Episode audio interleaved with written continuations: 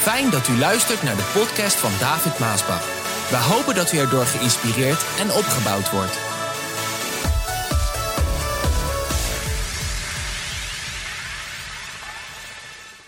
De handelingen van de apostelen. Handelingen 1, vers 6. Daar vertelt ons, terwijl zij zo bij elkaar waren, vroegen zij hem, Jezus, Heere, gaat u nu van Israël weer een vrij land maken met een eigen koning? Nou, dat hoeven jullie niet te weten, antwoordde hij. Mijn vader beslist hoe en wanneer bepaalde dingen gebeuren. Maar als de Heilige Geest op jullie neerkomt, zegt Jezus, zullen jullie kracht ontvangen om de waarheid over mij te vertellen aan de mensen in Jeruzalem, ook in Judea en Samaria en zelfs tot aan het uiterste van de wereld. En nadat hij dit gezegd had, zagen zij hoe hij, Jezus, omhoog ging in de lucht tot een wolk hem aan het gezicht ontrok.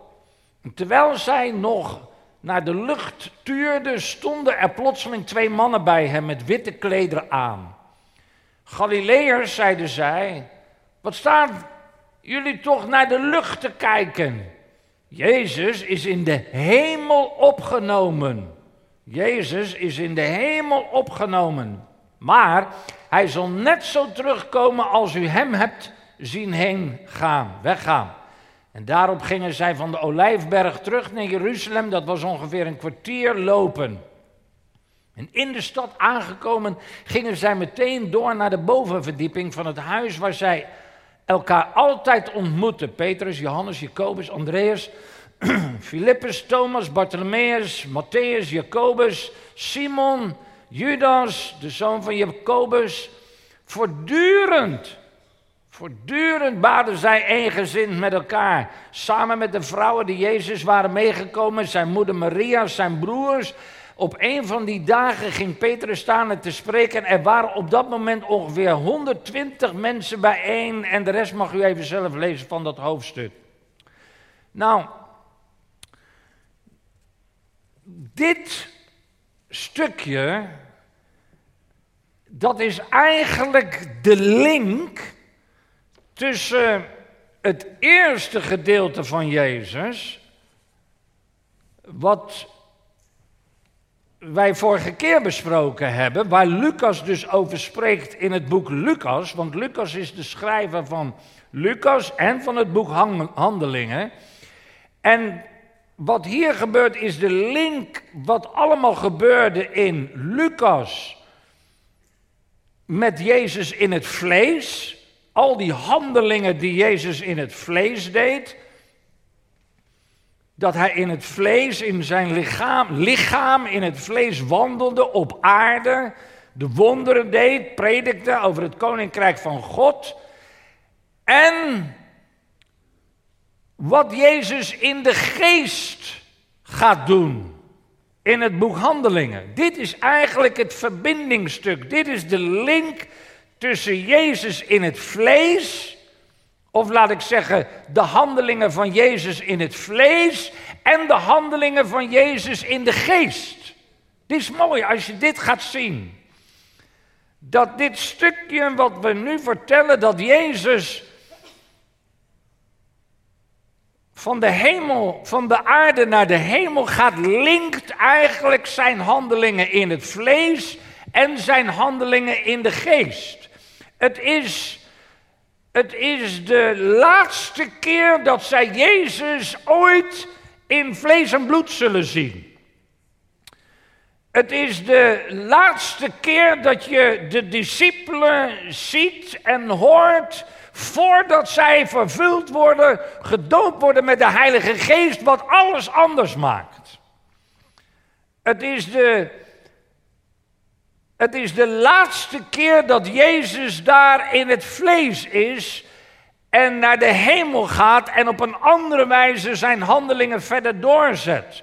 Dus niet meer die wandeling die zij gewend waren om te wandelen met Jezus in het vlees vanuit Jeruzalem naar Jericho.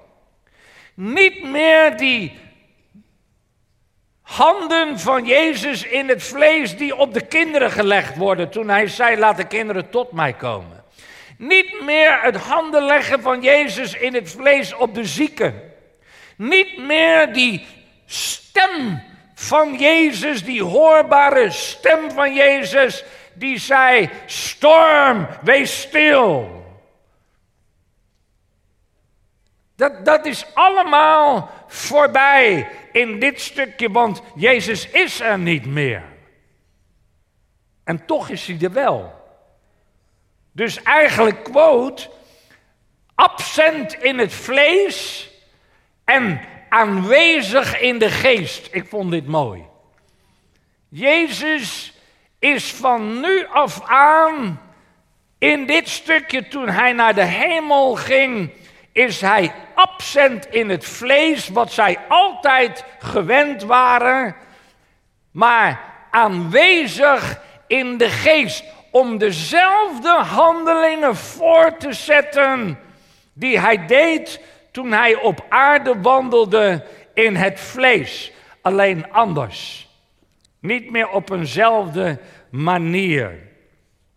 Jezus had gezegd in Handelingen 1, vers 4, tijdens een van die ontmoetingen, zei Jezus dat zij Jeruzalem nog niet mochten verlaten Wacht eerst op wat de Vader beloofd heeft, zei hij. Ik heb je al verteld wat er zal gebeuren. Johannes doopte met water, maar over enkele dagen zullen jullie met de Heilige Geest gedoopt worden. Dat had Jezus al gezegd. Hij was gekomen, Jezus zegt de Bijbel, had hij zelf al gezegd in Johannes dat hij was gekomen om het vuur te geven. Maar dat ging nog niet, want hij moest eerst lijden. Dat was allemaal achter de rug. En dan gaat hij dus naar de hemel. De discipelen gaan naar Jeruzalem. En dan zijn ze op die, in die opperkamer. En dan gaat gebeuren.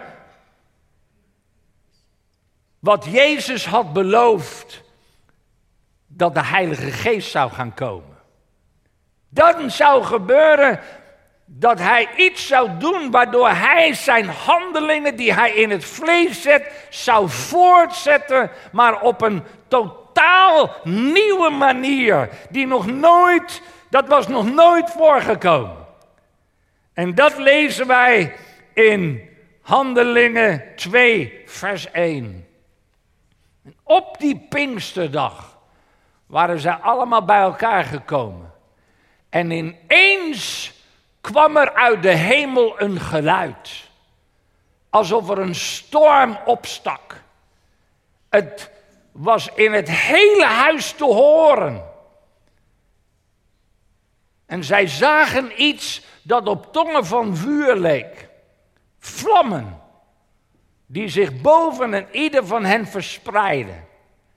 En ze werden allemaal vervuld van de Heilige Geest en begonnen in vreemde talen te spreken. Woorden die de Heilige Geest hen ingaf.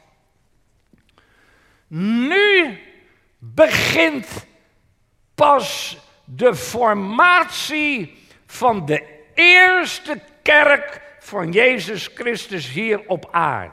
Dat is wat er nu begint. De kerk is niet ontstaan 600 na Christus toen de katholieke kerk ontstond, want dat is zo raar, ook in Nederland, dat de traditionele kerken zoals de katholieke kerk, de protestante kerk, de gereformeerde kerk, de hervormde kerk, dat dat allemaal erkende stromingen zijn als erkend, dat is de kerk. Pinksteren niet.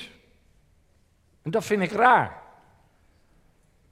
Want als er één kerk erkend zou moeten worden als een erkende geestelijke stroming, dan zou dat de Pinksterkerk moeten zijn. Dat was de eerste kerk die ontstond hier helemaal in het begin. En al die andere kerken, die zijn honderden jaren later pas gekomen. Dit is de eerste kerk. Hier werd de eerste kerk geformeerd. Dit is wat er ontstond. Nou, je ziet dat met het ontstaan van die eerste kerk, met die formatie van de eerste christenen zou je kunnen zeggen. Ja, is een heel bijzonder iets hoor. Daarom is het zo belangrijk dat wij het boek Handelingen lezen met elkaar, juist in deze tijd. En ik verwacht echt dat de Heer bijzondere dingen gaat doen in onze tijd. Want je ziet eigenlijk wat daar gebeurde. Quote, zij werden allemaal, allemaal gedoopt met de Heilige Geest. En er waren twee symbolen.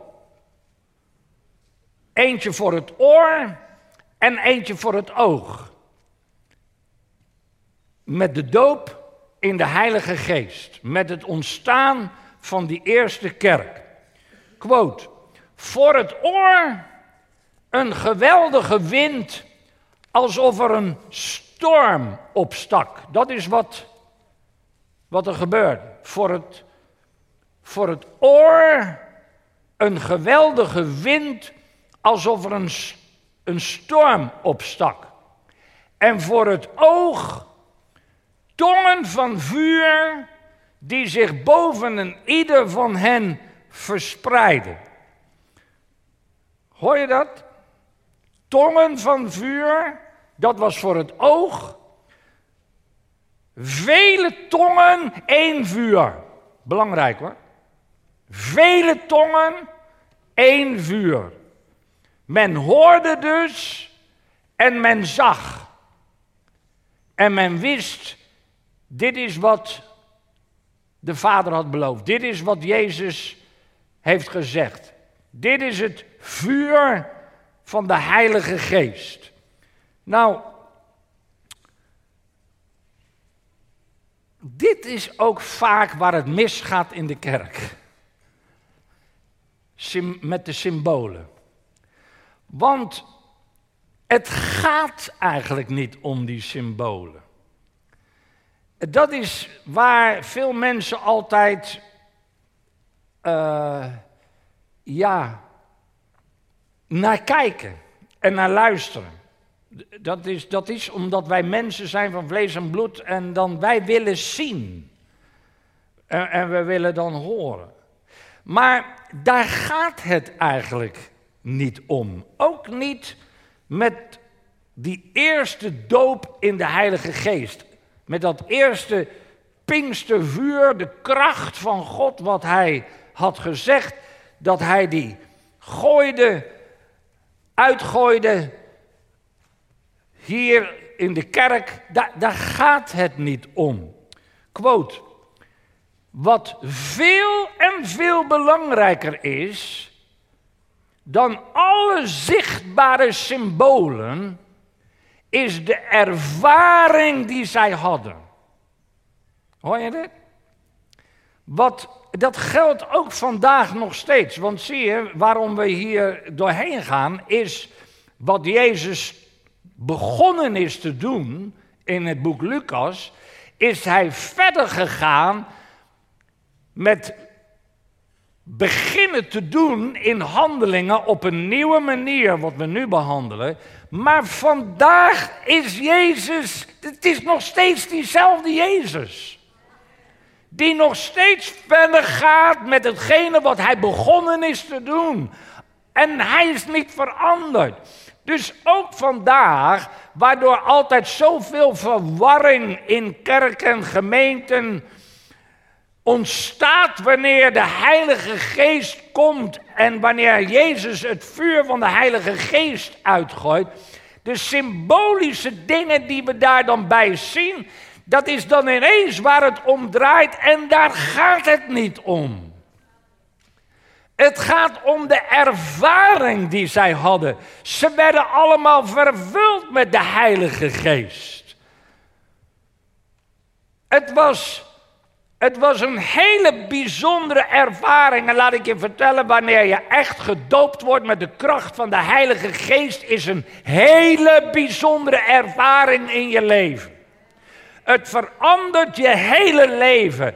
Dat hele dat hele geloof wat je hebt met het gaan naar de gemeente, dat krijgt zo'n, dat komt in zo'n ander teken en betekenis te staan in je leven wanneer je gedoopt wordt met de Heilige Geest. Dat is wat we vanaf, vandaag ook zo nodig hebben.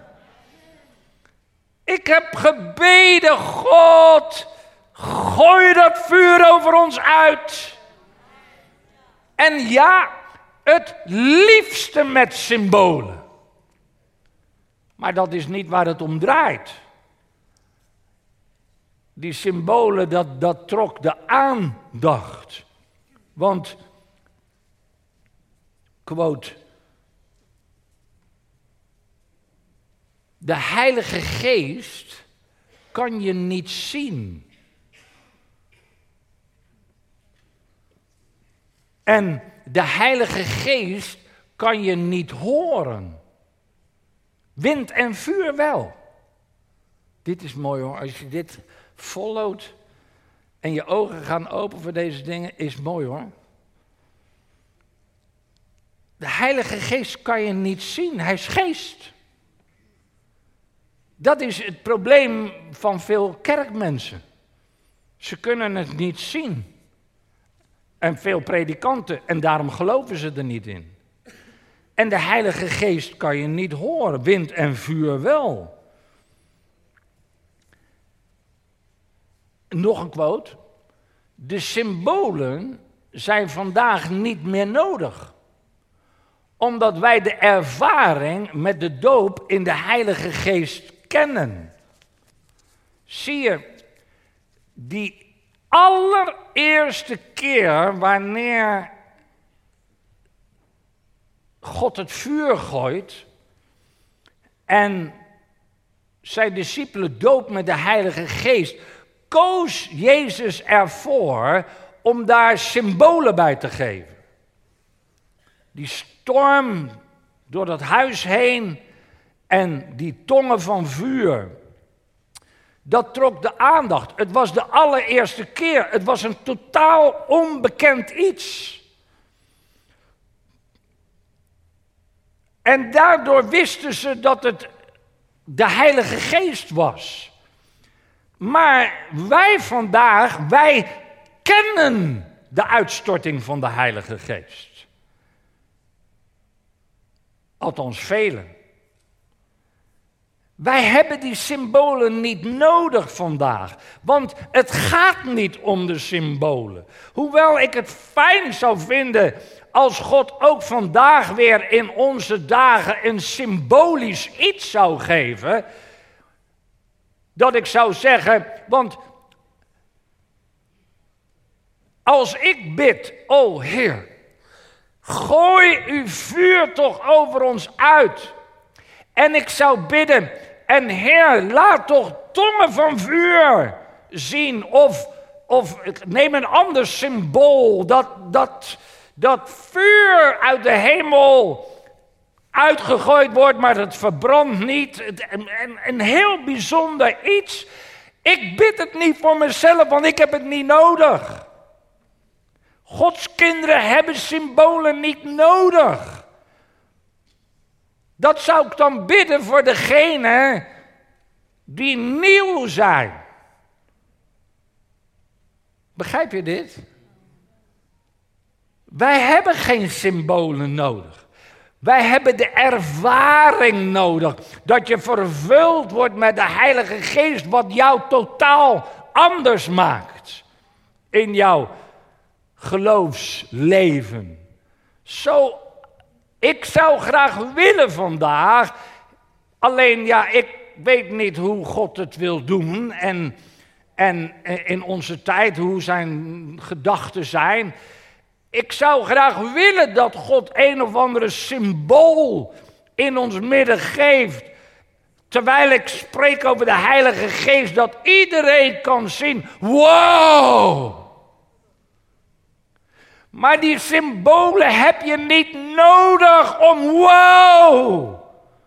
Het gaat om de ervaring. Dat is eigenlijk waar het ook toen om ging. Maar zij stonden in een mezing vanwege ook die symbolen. Maar daar ging het niet om. Misschien begrijp je dan beter ook de woorden van Jezus in Johannes 3. Uit mensen komt menselijk leven voort, maar uit de geest van God komt geestelijk leven voort. Het is dus helemaal niet zo vreemd, zegt Jezus tegen Nicodemus, dat ik tegen u zei, je moet opnieuw geboren worden. De wind waait waarheen hij wil, je hoort hem wel, maar je weet niet van waar hij vandaan komt en waar hij heen gaat. Zo is het ook als iemand uit de geest van God nieuw leven krijgt. Het, de Heilige Geest, dat geeft leven. Het is als de wind. Het komt en het gaat. Waar komt het vandaan? Ik weet niet. Waar gaat het heen? Ik weet niet. Maar het is de Heilige Geest.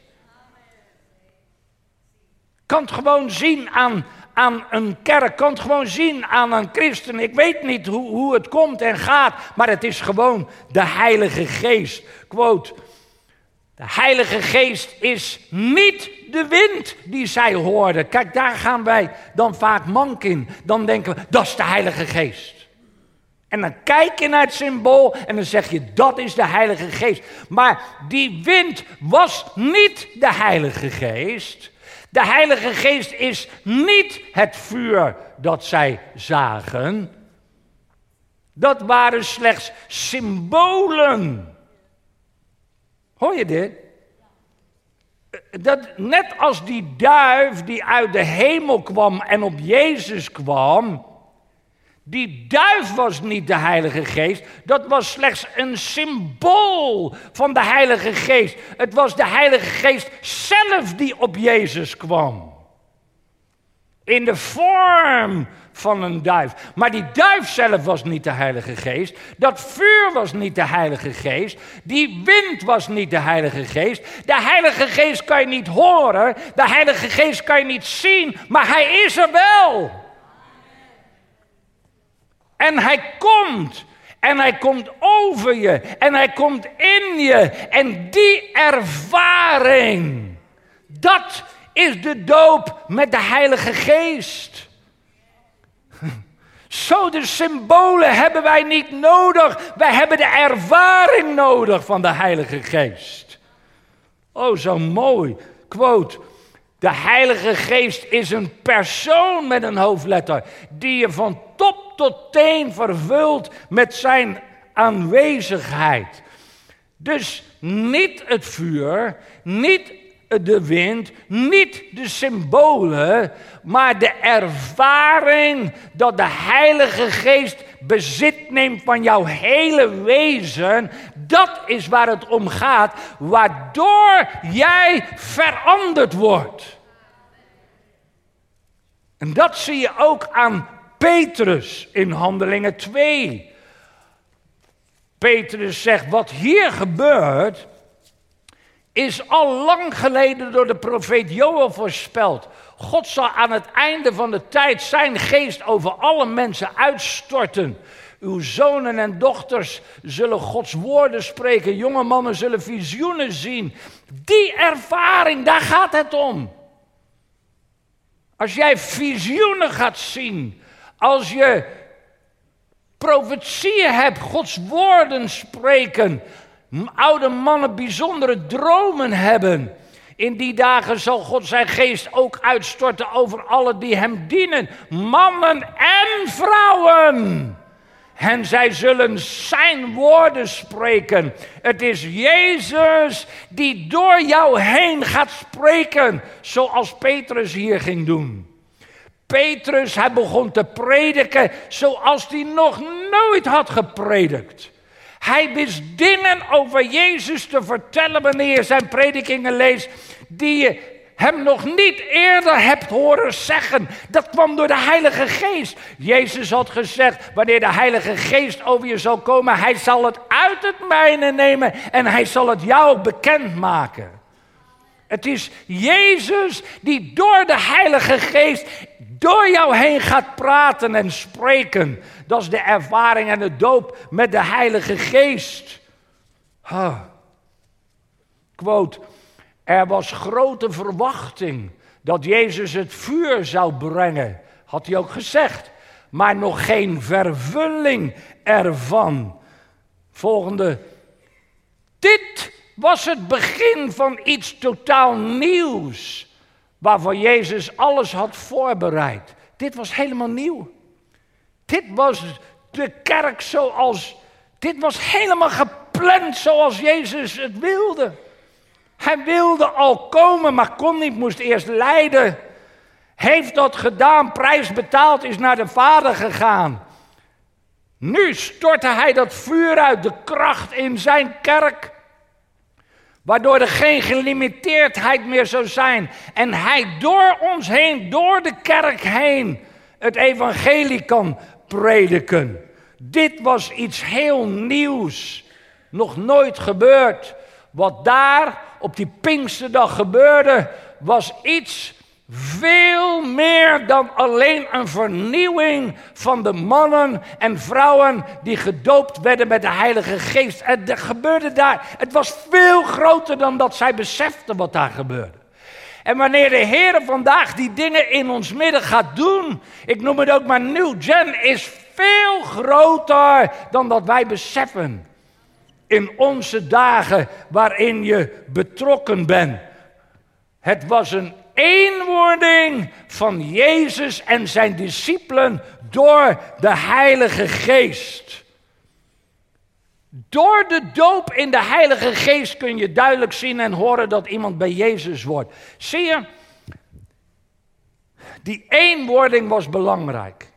Jezus was in het vlees, deed zijn handelingen in het vlees, is weggegaan naar de hemel. Door die doop met de Heilige Geest maakte hij zich weer één met hun. Kwam door de Heilige Geest in hen. En het was dus niet alleen maar een vernieuwing, het was een eenwording van de discipelen en van Jezus die één werden door de Geest Gods. Oh, dit is zo mooi als je dit ziet en begrijpt.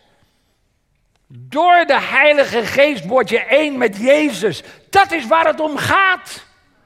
Jezus wil zijn werk voorzetten in onze dagen, wat hij toen begonnen is. Dat kan alleen door de doop met de Heilige Geest.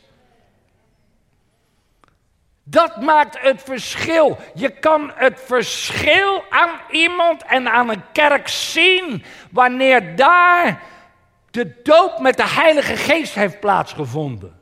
Je kan het verschil zien tussen een Pinksterkerk, een echte Pinksterkerk, waar de kracht van de Heilige Geest werkzaam is, en een traditionele kerk. Als je aan een traditionele christen vraagt of die een christen is, dan zie je eerst een raar gezicht, een vreemd gezicht. Sommigen die hebben tegen mij gezegd, nou dat is iets privé, dat, uh, dat hoef ik niet met u te delen. Nee, niet één keer, dat heb ik meerdere keren meegemaakt. Maar wanneer je een geestvervulde Pinkster christen vraagt of die een christen is, dan hoor je het meteen. Oh, prijs de Heer, broeder. Je merkt dat, je voelt het. Er is een Pinksterklik. Die moeten we opschrijven. Daar moet ik wat mee doen. De Pinksterklik. Hoe je die? Schrijf op de Pinksterklik. Daar gaan we wat mee doen. Even kijken hoor. Ja. Vraag. Vraag. Waren de discipelen dan ineens andere discipelen? Waren, die was, waren dat ineens andere mensen? Antwoord: nee. De fellowship die Petrus met Jezus had toen hij in het vlees was, die had hij nog steeds in de geest. Dus nu niet meer in het vlees, maar in de geest. Want Petrus had fellowship met Jezus in het vlees. Dat was een fellowship. Hij was ook degene die zo bedroefd was. Weet je nog, toen de heren weggingen. Ze waren allemaal bedroefd. Maar nu dat hij terugkwam en dat die eenwording had plaatsgevonden tussen Jezus en de discipelen door die uitstorting van de Heilige Geest, had Jezus nog steeds diezelfde fellowship, alleen anders.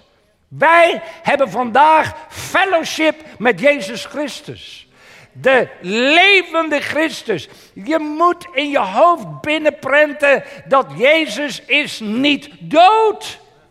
Jezus is niet ver weg. Hij is hier, hij is hier. Hij is in mij. En door die dood met de Heilige Geest ben ik één geworden met Hem. Is Hij één geworden met mij. Kan ik fellowship met Hem hebben, met Hem praten. Kan het werk wat Hij begonnen is te doen in de evangelie, in het begin in het vlees, kan Hij voortzetten vandaag. Het verschil. Het verschil, Jezus keek nu door de ogen van Petrus. Jezus keek eerst toen hij op aarde was door zijn eigen ogen. Maar toen die eenwording plaatsvond, het lijkt wel science fiction, hè? Maar dit is geen science fiction als je ogen open gaat. Daarom moet je zelf het boek van Handelingen lezen. Je moet gaan bidden. Je moet gaan zoeken naar de doop met de Heilige Geest, waardoor je ogen open gaan voor deze waarheden. Jezus keek nu door de ogen van Petrus. Jezus sprak nu door de mond van Petrus. Jezus legde nu handen op de zieken door de handen van Petrus. Jezus scheen nu als het licht van de wereld, maar door Petrus heen. Het is nu door de kerk heen. Het is nu door jou en door mij heen vandaag. Vraag. Limiteren wij Jezus vandaag om zijn werk door ons heen te doen? Ik durf te zeggen, of het nou bewust is of onbewust is, angst of vrees, onzekerheid, onwetendheid, wat voor reden daar dan ook aan is. Tradities kan ook een rol zijn in de kerk. Er zijn vele kerken vandaag, let op, vele kerken vandaag, die Jezus limiteren om het werk voor te zetten wat hij begonnen is te doen toen hij op aarde wandelde. Door dit probleem waar we deze tijden over spreken. Door de doop en de kracht met de Heilige Geest. Omdat daar of niet in geloofd wordt, of er wordt de predikanten prediken daar niet meer over. Of men zegt, ja dat was voor vroeger, niet voor nu. Welke reden dan ook, waardoor vele kerken Jezus limiteren om het werk voor te zetten wat hij begonnen is te doen. En daarom gebeurt er niks in die kerken van wonderen en van tekenen. Er zijn vele christenen, mensen die zich ook christenen noemen, die Jezus limiteren. Dat hij niet door jou heen kan doen het werk wat hij begonnen is te doen, wat hij zo graag ook door jou heen wil doen vandaag.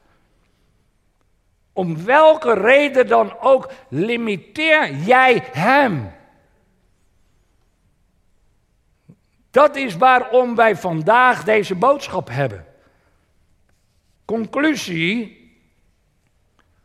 Als wij vandaag Jezus door de Heilige Geest ongelimiteerd zijn werk in ons en door ons heen laten doen, ook als gemeente, zal de kerk van Jezus Christus in vuur en in vlam voor Jezus staan.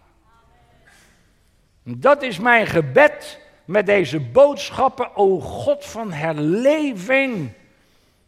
Zet toch het werk voort door ons heen, wat u begonnen bent te doen toen u op aarde wandelde.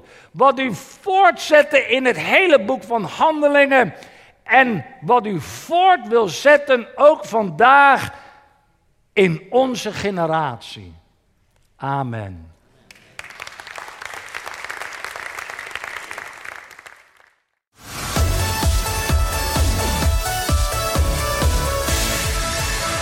Bedankt voor het luisteren naar deze podcast. Wilt u meer preken beluisteren? Ga dan naar message.maasbachradio.com. Bezoek ook eens onze website www.maasbach.nl